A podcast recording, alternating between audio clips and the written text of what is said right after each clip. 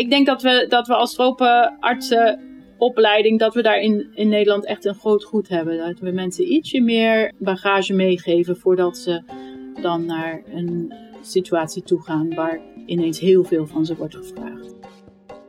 Als je patiënt een keizersnede moet hebben, dan krijgt de echtgenoot krijgt een lijstje met hechtingen en medicatie eh, die gekocht moet worden. Dan gaat hij uh, aan de overkant van het ziekenhuis naar het winkeltje en daar koopt hij dan die hechtingen. En dan komt hij daarmee terug en dan kan de keizersnede gebeuren. Een groot aantal Nederlandse artsen werkt een bepaalde periode van hun leven in het buitenland. Ik wil weten, wat drijft deze mensen over de grens en waar lopen ze tegenaan? Ik ben Danka Stuiver, huisarts op Aruba en columnist. In samenwerking met het Medisch Contact zal ik in deze podcastserie Nederlandse artsen interviewen die wonen en werken in het buitenland. We gaan het hebben over hun persoonlijke overwegingen, hun belevenissen en over de positieve en negatieve kanten van hun vertrek. Weg met familie en vrienden, weg uit de comfortzone, over de grens naar een onbekend land met een andere cultuur en taal en een ander zorgstelsel. Vandaag spreek ik met Antje Oosterkamp. Zij werkte drie jaar als tropenarts in Bangladesh toen zij huiswaarts keerde om chirurg te worden. Na een fellowship oncologie ging zij in 2012 terug naar Bangladesh, waar zij inmiddels naast tien jaar chirurg ook medisch directeur is van een NGO-gefinancierd missieziekenhuis. Antje, welkom. Ja, dankjewel. Ja, want vertel eens, waarom koos jij ervoor om na het afronden van de opleiding tot uh, oncologisch chirurg eigenlijk terug te keren naar Bangladesh? Nou ja, eigenlijk uh, had ik sinds de terugkeer uit Bangladesh, dus toen ik naar Nederland kwam, wel het gevoel dat ik ooit wel weer een keer terug wilde. En aan het eind van mijn opleiding was ik uh, nog steeds single, dus dat gaf me ook wel de vrijheid. Ik had nog steeds wel ja, het idee dat ik daar nodig ben of daar iets nuttigs kan doen. En uh, ja, de banenmarkt in tien jaar geleden was voor chirurgen ook al niet heel erg goed. Dus uh, er was ook de ruimte en de vrijheid om te gaan. Ja, nou, nou is het voor veel luisteraars zo dat ze nog nooit in Bangladesh zijn geweest. In ieder geval ik zelf niet. Dus uh, zou jij om te beginnen uh, een beeld kunnen schetsen uh, voor ons van de plek waar jij in Bangladesh woont en werkt? Ja, het ziekenhuis waar ik werk, dat is een beetje buiten het dichtstbijzijnde stadje. Dus we zitten eigenlijk midden in de rijstevelden. Wat niet betekent dat er niemand woont. Bangladesh is vrij dicht bevolkt. Dus ik woon op het ziekenhuisterrein in een appartement wat wel op de eerste verdieping is. Dus ik kijk uit over de rijstevelden. Het ziekenhuis is zelf niet heel erg groot met 100 bedden. En we hebben op het terrein ook nog een English medium school en een trainingcentrum voor verpleegkundigen en uh, verloskundigen. Hoe begint jouw dag? Ja, um, er is veel lawaai altijd in Bangladesh. Dus uh, ik word wakker van de oproep van uh, tot gebed. Eigenlijk voordat mijn wekker afgaat. Um, zitten ongeveer vier moskeeën om ons heen. Dus dat gaat in koor. En dan wordt er op, vaak ook de kinderen worden om zes uur opgeroepen om naar de islamitische school te komen, naar de madrasa. Um, ja, zoals ik zei, ik kan uitkijken over de rijstevelden, dus ik heb mijn ontbijt met mooi uitzicht. En dan is het vijf minuten lopen naar het ziekenhuis. Um, ons ziekenhuis is zes dagen per week open. In een moslimland zijn we op vrijdag vrij. Mijn visite um, doe ik vaak voor de officiële overdracht uh, van de andere artsen aan, omdat bij mij om negen uur de OK begint. Ja, en dan, ik heb drie dagen per week OK. Um, ik doe poli. En daarnaast heb ik ongeveer anderhalve dag om medisch directeur te zijn. En ik werk samen met een artsassistent uh, die Bangladeshi is, als een basisarts. Die is nu ongeveer anderhalf jaar bij mij. Ja, verder in het ziekenhuis hebben we een interne team met een uh, buitenlandse internist en een aantal Bangladeshi artsen. Uh, een kinderartsenteam met ook weer een buitenlandse kinderarts en een aantal artsen. En dan een gynaecologieteam met een Zwitserse gynaecologe. En daarbij een, een heel, vrij sterk team eh, voor moeder- en kindzorg of voor de gynaecologie. Met zes senior artsen die uh, mm -hmm. eigenlijk alles aankunnen. Maar die toch nog steeds een beetje afhankelijk zijn van buitenlanders, omdat ze geen papieren hebben om aan te tonen dat ze verder geschoold zijn dan basisartsen. Want ja, er is dus een Zwitserse gynaecoloog die daar uh, dan uh, de, zeg maar, de, in de lead is. Maar er zijn dus uh, die een soort van informeel opgeleid zijn. of hoe moet ik het zien? Ja, ja die, zijn bij ons gekomen toen ze net basisarts waren, konden eigenlijk nog niks. En er is door in de loop der jaren, het ziekenhuis bestaat nu bijna 40 jaar, een vrij stevig trainingprogramma opgezet. Dus uh, ja, die vrouwen die uh, behandelen eclampsie, die, uh, kunnen acute hysterectomieën doen, die kunnen eigenlijk alle spoedgevallen aan. Maar bij ons krijgen ze daar geen diploma's voor.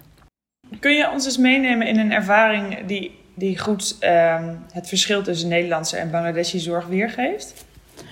Nou ja, wat, waar ik dan aan denk zijn vooral het medische shoppen wat mensen doen. Er zijn dus in de laatste 10, 15 jaar heel veel privéklinieken ontstaan. Dus mensen hebben best wel keus voor zorg als ze geld hebben, maar het is, daar zit nauwelijks kwaliteitscontrole op. Dus je hebt uh, vaak dat mensen een diagnose krijgen, zoals een patiënt met borstkanker. Die krijgt dan te horen dat ze kanker heeft. Soms wordt er dan een uh, diagnostische excisiebiopsie uh, gedaan. En dan vervolgens wordt er gezegd van je moet nog een keer geopereerd worden, maar daar is dan geen geld voor. Of um, er is ondertussen geen tumor meer, dus de patiënt en zijn familie denken van nou ja, dan kunnen we het ook nog wel even uitstellen. En dan uh, komen ze een jaar later terug met het recidief. Um, en gaan dan weer een heel riedeltje ziekenhuizen af. Totdat ze ergens vinden waar ze het ofwel zich kunnen veroorloven. of waar ze die diagnose krijgen die ze, um, waar ze op hopen of die hun past. Dus het is heel erg dat de patiënt is, het, uh, is probleemeigenaar. En vanuit artsen gezien of vanuit de gezondheidszorg wordt er eigenlijk niet aan follow-up gedaan of proberen mensen erbij te houden. Dat vind ik altijd wel een heel groot verschil. En daarnaast ja, is het dus heel erg wat mensen zich kunnen veroorloven. En dat is, dat is toch ook wel een lastig iets. Ja. ja, het klinkt alsof er in ieder geval geen echte continuïteit van zorg is, zoals we dat natuurlijk in Nederland wel ja. kennen. Uh, maar dat het meer brandjes blussen is op het moment dat er iets aan de hand is. En dan nog is het vrij versnipperd. Ik denk dat het goed is. Hè, ik denk dat heel veel Nederlanders uh, ja, bij het horen van het land Bangladesh zich toch een beeld vormen van van veelal arme mensen. Hè, uh, plekken waar de goedkope kleren van de Zara uh, worden gemaakt door kinderhandjes. Um, even gechargeerd. Um, even terugschakelen. Kun jij iets vertellen over hoe het zorgsysteem eruit ziet? Nou ja, op papier is er best een goed zorgsysteem. Een beetje gebaseerd op het Britse systeem. Is er, dus er zou een soort, zoals in Engeland de zorg gratis is uh, voor iedereen. Dat is eigenlijk de theorie. In praktijk is er een capaciteitsprobleem. Dus um, in de steden zijn er wel artsen in die ziekenhuizen, maar zijn daar veel te veel patiënten voor. En op het platteland zijn er vaak de klinieken, zijn er wel, de regeringsziekenhuisjes of uh, klinieken, maar daar zijn dan geen artsen of maar heel matig en weinig verpleegkundigen. En daarbij is het heel autoritair georganiseerd. Dus je kan als verpleegkundige geen dingen doen zonder dat een arts je daarvoor opdracht geeft. Dus er zit misschien wel een verpleegkundige, maar die kan vervolgens niks. Um, ja, dus in de praktijk moeten mensen ofwel iemand kennen binnen het systeem om ertussen te komen, of ze moeten onder de tafel betalen om ertussen te komen. Daarnaast zijn die ziekenhuizen die hebben nauwelijks materialen. Dus dat betekent dat je als je uh, patiënt een keizersnede moet hebben, dan krijgt de echtgenoot krijgt een lijstje met hechtingen en medicatie eh, die uh, gekocht moet worden. Dan gaat hij aan de overkant van het ziekenhuis naar het winkeltje, of daar is een rijtje winkeltjes. En daar koopt hij dan die hechtingen. En dan komt hij daarmee terug en dan kan de keizersnede gebeuren. Dus dat is het regeringssysteem. Dat loopt dus behoorlijk mank. Dan zijn er wel heel Jeetje, veel privéklinieken, wat ik zei. Maar het lastige daarvan is dat, die, dat daar geen kwaliteitscontrole op zit. Dus er zitten hele goede tussen. Dat kost dan vaak ook wel een lieve cent. Um, en, maar er zitten ook hele slechte tussen. Dus de, de wat rijkere arme mensen, zou ik maar zeggen, die kunnen zich dan wel veroorloven om naar zo'n privékliniek te uh, gaan, maar die hebben geen idee welke de goede klinieken zijn. Dus die krijgen daar soms hele slechte zorg. Ja, en dan heb je een paar ziekenhuizen zoals het onze, waar wij proberen uh, beschikbaar te zijn voor juist de arme mensen. Dus bij ons moeten mensen wel betalen. Maar dan heb je, uh, kunnen ze ook subsidie aanvragen op het moment dat ze uh, het niet zich kunnen veroorloven. En in principe acute dingen betalen wij eerst en dan praat, pra, praten we over geld. Dus En we hebben de materialen in huis. Dus mensen bij ons hoeven niet naar de overkant van de straat om medicijnen te halen. dat scheelt. Ja.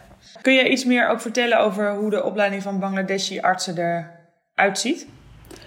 Ja, de opleiding van Bangladeshi artsen valt eigenlijk in twee groepen uiteen. Er is een regeringssysteem waar een uh, ja, vrij stevige ingangstoets is, waar je ook wel een beetje je weg in kan kopen, zou ik maar zeggen. Maar in principe worden daar wel de slimste mensen aangenomen. Dat uh, systeem is nog steeds wel met veel uit je hoofd leren. En dan hebben ze een soort kooschappen waarin ze vooral met anderen meelopen. Met vrij veel co-assistenten. Dus niet zoals wij dat kennen, waar je echt begeleid wordt om een goede dokter te worden. Maar die hebben wel het een en ander gezien. En dan zijn er privé medical schools, waarbij mensen vooral moeten betalen om erin te komen. Dus dat zijn vaak toch wel wat rijkere mensen die daardoor zijn opgeleid. En uh, met name een aantal jaren geleden kon je met 50 bedden ziekenhuis kon je een medical school opstarten. Dus dat betekent dat die jonge artsen eigenlijk nauwelijks iets hebben gezien tijdens hun kooschappen. Want uh, ja, een van onze artsen die, die bij ons begon, die vertelde dat in zijn ziekenhuis iedereen met pijn op de borst werd niet eens het ziekenhuis ingelaten, maar werd gewoon meteen doorgestuurd.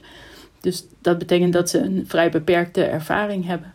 En voor allemaal geldt dat ze eigenlijk niet probleemgestuurd worden opgeleid. Dus ze leren niet om differentiaaldiagnoses te maken. Of uh, ja, de kennis die ze in hun hoofd hebben ook toe te passen.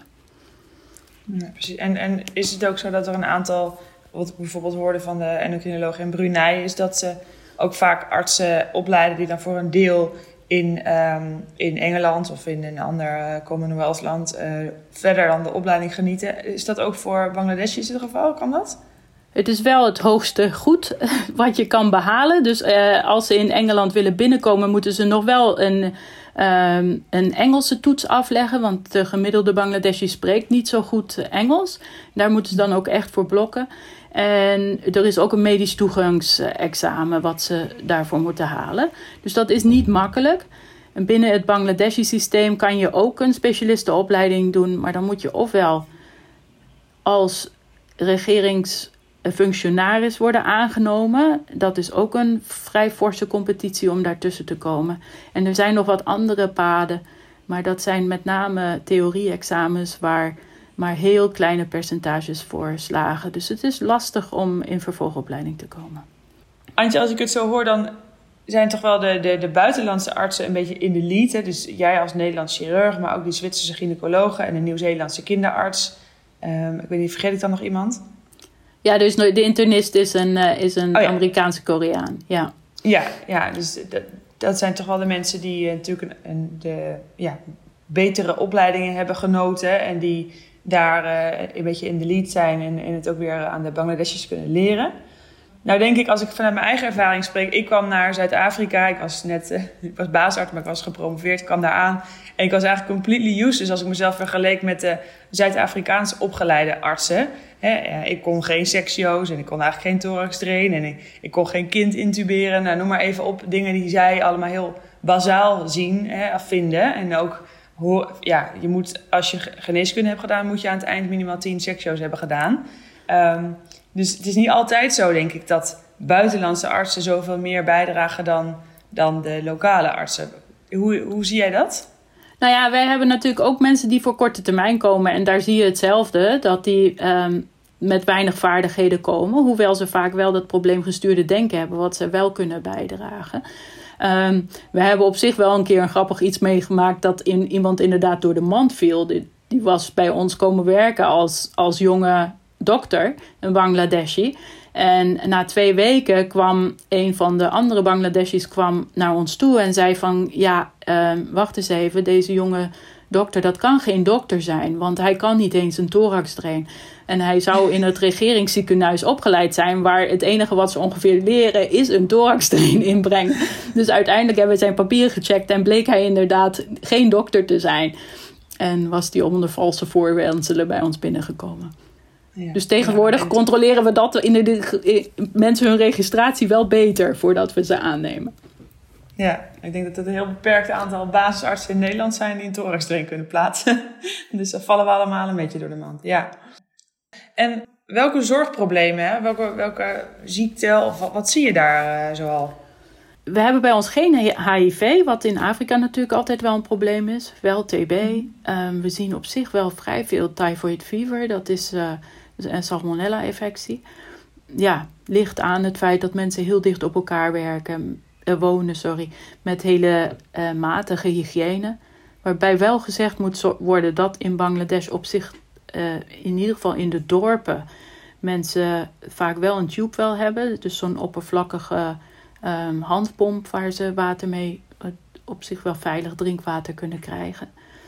Ja, mensen wonen in de dorpen heel dicht bij hun dieren ook. Dus er zijn koeien, er zijn uh, uh, kippen, er zijn geiten. Heel matig varkens, want we zijn een moslimland. Dus er zijn wel wat mensen die varkens, uh, met varkens samenwerken. Samen wonen, sorry. Nou ja, dus hè, mensen wonen dicht op elkaar in omstandigheden die niet heel schoon zijn wat we de laatste jaren zien is dat uh, diabetes, hart- en vaatziekten echt toenemen. Voor een deel doordat de welvaart ietsje toeneemt. Dus mensen die het zich kunnen veroorloven, die stoppen met bewegen. Die nemen een riksja om uh, van A naar B te komen. Dus die lopen minder. Um, Daarnaast zijn de riksha's zijn nu ook batterij aangedreven. Dus zelfs de riksha, de mensen die die riksha's rijden, die hoeven ook niet meer zelf te fietsen. Die kunnen dat nu op batterijen doen. Ah. dus dat, uh, dat is ook een, iets waardoor ze dikker worden natuurlijk. Een ander probleem zijn de, matige obstetrische zorg. Dus er wordt heel hard door onze regering uh, getrokken aan niet meer thuis bevallen. En dat is ook verstandig, want daar uh, is, is geen, achter, geen vangnet voor als er iets misgaat. Alleen zie je wel dat als mensen nu in een klinisch bevallen, dat ze um, dan eigenlijk altijd een keizersnede krijgen. Dus er zijn maar heel weinig klinieken waar uh, vaginaal bevallen wordt aangemoedigd. Dat is wel iets waar wij heel hard mee bezig zijn bij ons in het ziekenhuis om te zorgen dat dat bekend wordt dat uh, onnodige keizersneden ook zeker risico's hebben, met name ook voor latere bevallingen. Um, en dan zien we problemen gerelateerd aan uh, slechte chirurgie. Dus wat ik zei, die uh, privéklinieken, daar zit hele slechte controle op. Um, en we zien nu um, obstetrische vaginale fistels. Hè, dus dat is het klassieke, dat het hoofdje van de baby um, klem zit en daardoor een drukplek en een uh, fistel veroorzaakt. En dan zien wij nu steeds meer chirurgische. Dus dat er een keizersnede is gedaan door iemand die niet weet waar de blaas en de ureters lopen en daardoor een uh, letsel aanbrengt. Of vrouwen die met vage buikklachten naar de dokter gaan, uh, een echo krijgen waar een iets vergrote uterus wordt gezien en dan een hysterectomie krijgen en daarvan hmm. schade oplopen. Ja, klinkt alsof je nog, uh, dat er genoeg te doen is voor jou, genoeg goeds te doen is. Ja. Nou ja, ja. ja met name dat Vistelprogramma is iets waar wij ook regionaal nu voor bekend staan. Dat wij dat, dat, uh, dat, wij dat doen. En daar zijn ook heel veel donoren voor te vinden. Dus dat uh, is gratis zorg. Wat ook wel ja. fijn is, want die mensen hebben vaak al kosten gemaakt ja. voor hun operatie. En nou ben jij al meer dan tien jaar uh, chirurg in Bangladesh, maar je bent ook medisch directeur. En ben ik wel benieuwd naar wat dat behelst. Hoe, hoe, hoe is dat? Ja, uh, het medisch directeurschap, dat is, dat is vooral stress van uh, personele problemen. Um, omdat wij geen vervolgopleiding hebben bij ons. Um, is het lastig om artsen voor langere tijd te behouden. Het grootste deel gaat toch na een poosje um, weer, weer weg. Um, dus daar zijn, en dat zijn, komen altijd in crisis. Dus het is nooit iemand die zegt over een half jaar ga ik weer weg en daar kunnen we op plannen. Maar het is vaak, uh, um, ik ga morgen weg of ik ga volgende week weg. Dus daar is, valt altijd wel avontuur bij te leven, zou ik maar zeggen. Want jij, jij werkt natuurlijk best wel veel uren, als ik het zo hoor. Um, dus ik ben wel benieuwd wat je daar zoal doet om te ontspannen. Ik lees. Ik heb uh, een e-reader, dus dat maakt de toegang tot boeken ook wel heel makkelijk. Hè? Internet is bij ons groot genoeg om dat uh, te kunnen doen. Ik kijk uh, tv, de Netflix, met, vooral met VPN. Dus dat je doet alsof je in een ander land bent, werkt heel goed. Ja, en dan, ja. en dan ook het wandelen. Maar ehm, daar heb je als bijkomend probleem dat je dan wel iemand moet zoeken om mee te gaan wandelen. Want bij ons kun je dus niet zomaar een eind gaan lopen in je eentje. Omdat het een moslimland is? Omdat het een moslimland is. Hm. Dus wij, wij proberen ons te kleden op een manier die respectvol is voor de omgeving. We hoeven niet ons hoofd te bedekken. Maar hebben wel zo'n Pakistaanse wijde jurk met een broek erop onderaan. Um, en dan met z'n tweeën kan je bij daglicht kan je op zich prima lopen. Um, maar dat zou ik dan weer niet zo snel in, in het donker doen. Antje, jij werkt, eh, zoals je aangaf al, um, in een moslimland. Wat merk je daarvan in je dagelijkse werk? Ja, op zich niet zo heel erg veel. Behalve dat onze patiënten wel um, voor het grootste deel moslim zijn. Um, de consequenties tijdens het gewone leven zijn niet zo heel erg groot. Um, rondom de Ramadan merk je wel dat mensen ja, liever geen electieve dingen laten doen. Maar ja, acute zorg is acuut. En als je ziek bent, dan hoef je ook niet te vasten. Um, vaak uh, willen mensen het dan later wel een keer inhalen. Maar in principe, qua chirurgie, maakt het, ja, heeft het niet zo heel veel consequenties. Behalve dat het bij ons wel vaak rustiger is tijdens de Ramadan. Omdat uh, mensen dus zorg uitstellen hebben we gelukkig ook wat Hindoes die bij ons in de buurt wonen. En die willen dan wel geopereerd worden. Dus uiteindelijk zitten we dan ook niet stil. Oké. En hebben ze nog moeite met het feit dat er dan een, een vrouwelijke arts zonder hoofdbedekking bijvoorbeeld eh, zorg verleent? Je dat niet? Uh, nee, ik heb, ik heb mensen die, die juist komen omdat ik een vrouw ben. Dus ik krijg een aantal vrouwen, omdat ik anale problemen door een vrouw worden gezien, zeg maar, dan komen ze juist bij mij. Um, bij ik heb zelf geen problemen met mannen. Ik denk wel dat daarbij komt dat doordat ik buitenlandse ben, dat ik wel meer autoriteit heb dan een, een Bangladeshi vrouw. Uh, binnen ons gynaecologieteam hebben we alleen maar vrouwen. En hm. daar gebeurt het zo heel af en toe dat we er een man bij moeten halen om met uh, de mannelijke familieleden te praten. Maar dat is eigenlijk ook zelden. Dus in principe zijn er in Bangladesh best veel vrouwelijke artsen. Um, mm -hmm. En accepteren mensen dat wel. Dan ben ik toch wel benieuwd naar, Antje, hoe, hoe zie jij de toekomst van Bangladesh? Je, hebt natuurlijk al, je woont al jaren in het land. Hoe zie jij de toekomst, zowel qua zorg als misschien überhaupt qua economie? Um, ja, daar ben ik wel benieuwd naar. Ja, je ziet dat Bangladesh wel rijker wordt. Ze zijn nu officieel, volgens mij vanaf dit jaar, niet meer een low-income country, maar een middle-income country. Daar zijn ze ook best trots op. Um, maar je ziet tegelijkertijd de ongelijkheid wel toenemen. Dus het is voor arme mensen moeilijk om op die ladder mee te klimmen. Uh, en wat we zien is dat de corruptie toeneemt. Dus het, het is makkelijker om hem door onder de tafel te betalen dingen gedaan te krijgen. Of als je daar niet aan mee wilt doen, dan het, wordt het ook heel lastig om je licenties en zo te krijgen. Ik heb het gevoel dat de regering vaak wel pogingen doet, zeg maar, hè, de hoogste echelons, om het in te dammen. Maar dat is, uh, is, is moeilijk om, omdat het zo overal in de samenleving is, is het ook extra moeilijk om het in te dammen. Maar dat maakt het dus juist voor de, voor de allerarmsten extra moeilijk om uh, vooruit te komen. Omdat je op elke stap van de weg moet je iemand kennen.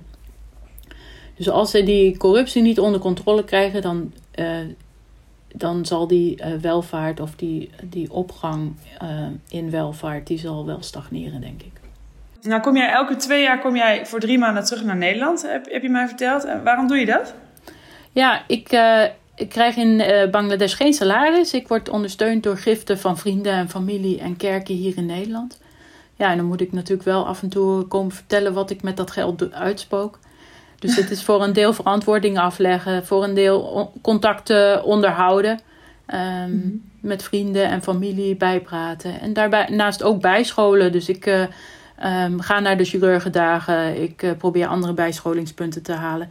Want tot nu toe is het wel gelukt om ook als chirurg te, geregistreerd te blijven in Nederland. En hoe ziet jouw toekomst eruit, denk je? Nou ja, ik, ik ben nu 54, dus ik heb nog een paar jaren te gaan voorlopig denk ik dat ik goed zit in Bangladesh. Ik heb het gevoel dat ik uh, daar doe wat, uh, ja, om het woord maar te noemen, om, waar ik toe geroepen ben. Um, het is wel een beetje afhankelijk van visa. De laatste jaren hebben we weer meer moeite om lange termijn visa voor ehm, mensen te krijgen. En elk jaar moet dat visum weer vernieuwd worden. Ehm, dus zolang als ik een visum kan krijgen, denk ik wel dat ik in Bangladesh blijf. Ik denk wel dat ik in Nederland uh, met pensioen ga. Dus Bangladesh is niet echt een land om, uh, om oud in te worden zonder dat je een familie hebt die voor je zorgt. Mm. Um, ja. Dus uh, gelukkig heb ik een stukje pensioen nog opgebouwd van de tijd dat ik in Nederland heb gewerkt. En ik spaar er ook wat voor. En uiteindelijk denk ik wel dat het genoeg is om in Nederland een simpel leven te leiden. Ja, je hebt niet veel nodig, denk ik. Nee, Gewend nee, aan nee, nee, nee, nee, bestaan zonder veel luxe. Ja. Nou ja, dat wel. Maar aan de andere kant denk ik wel van ja, ik wil wel een huisje en ik wil een autootje kunnen rijden. En af en toe vrienden bezoeken. Het lastige van lang in het buitenland wonen is natuurlijk wel dat je ook heel veel buitenlandse vrienden hebt. Dus je hebt wel mensen die je graag wilt opzoeken die in de hele wereld ja. wonen. Antje, je begon als tropenarts in Bangladesh. Jij was daar eerst drie jaar als jonge, als jonge tropenarts uh, gaan werken. Nou, toen ging je natuurlijk naar Nederland om chirurg te worden en daarna kwam je terug. Als je, als je kijkt naar het verschil hoe jij um, werkte, functioneerde als tropenarts in, in, in, je jongste jaren, zeg maar, als dokter. En daarna als chirurg. Hoe kijk je dan terug op je jonge zelf? Um, ik heb, nou ja, ik, ik, kwam natuurlijk als jonge tropenarts, maar wel in een internationaal team. En uh, kwam er toen achter dat tropenopleiding echt iets Nederlands is. Dat hebben ze in de rest van de wereld niet. Dus ik voelde me toen wel heel bevoorrecht dat ik inderdaad um, een basis had in chirurgie en in gynaecologie. En ik had zelfs nog het, uh, de mogelijkheid gehad om drie maanden uh, kindergeneeskunde te doen als ANIOS. Dus ja, ik was echt wel heel breed, ook al wel was het ook wel heel plat opgeleid. Dus dat was wel heel gaaf. Um, aan de andere kant, uh, toen ik eenmaal opgeleid was als chirurg en ik kwam daarna uh, een keer als korte termijns om in te vallen naar Bangladesh. En toen moest ik een keizersnede doen. En ik denk van ja, eigenlijk is een keizersnede helemaal niet zo moeilijk. Terwijl toen ik als strooparts keizersnedes moest doen, dan stond mijn zweet, uh, het zweet altijd op de rug. Want ja, het bloedde overal en ik zag het niet goed. En dus er is duidelijk wel een toegevoegde waarde aan de chirurgieopleiding. Um, maar ja, ik denk dat we, dat we als tropenartsen opleiding, dat we daar in, in Nederland echt een groot goed hebben. Dat we mensen ietsje meer uh, bagage meegeven voordat ze dan naar, uh, naar een situatie toe gaan waar ineens heel veel van ze wordt gevraagd. Antje, jij bent een door de wol geverfd, maar ook wel hele bescheiden arts, als ik het zo hoor. Hè? Die, die toch een niet conventioneel pad heeft gekozen. En ik kan me toch voorstellen dat dat niet altijd makkelijk is geweest. Um, maar dat het je waarschijnlijk ook inzichten heeft gegeven die wellicht nuttig kan zijn voor de jongere generaties die nu meeluisteren. Dus ik ben wel benieuwd wat jij tegen deze jongere collega's zou willen zeggen.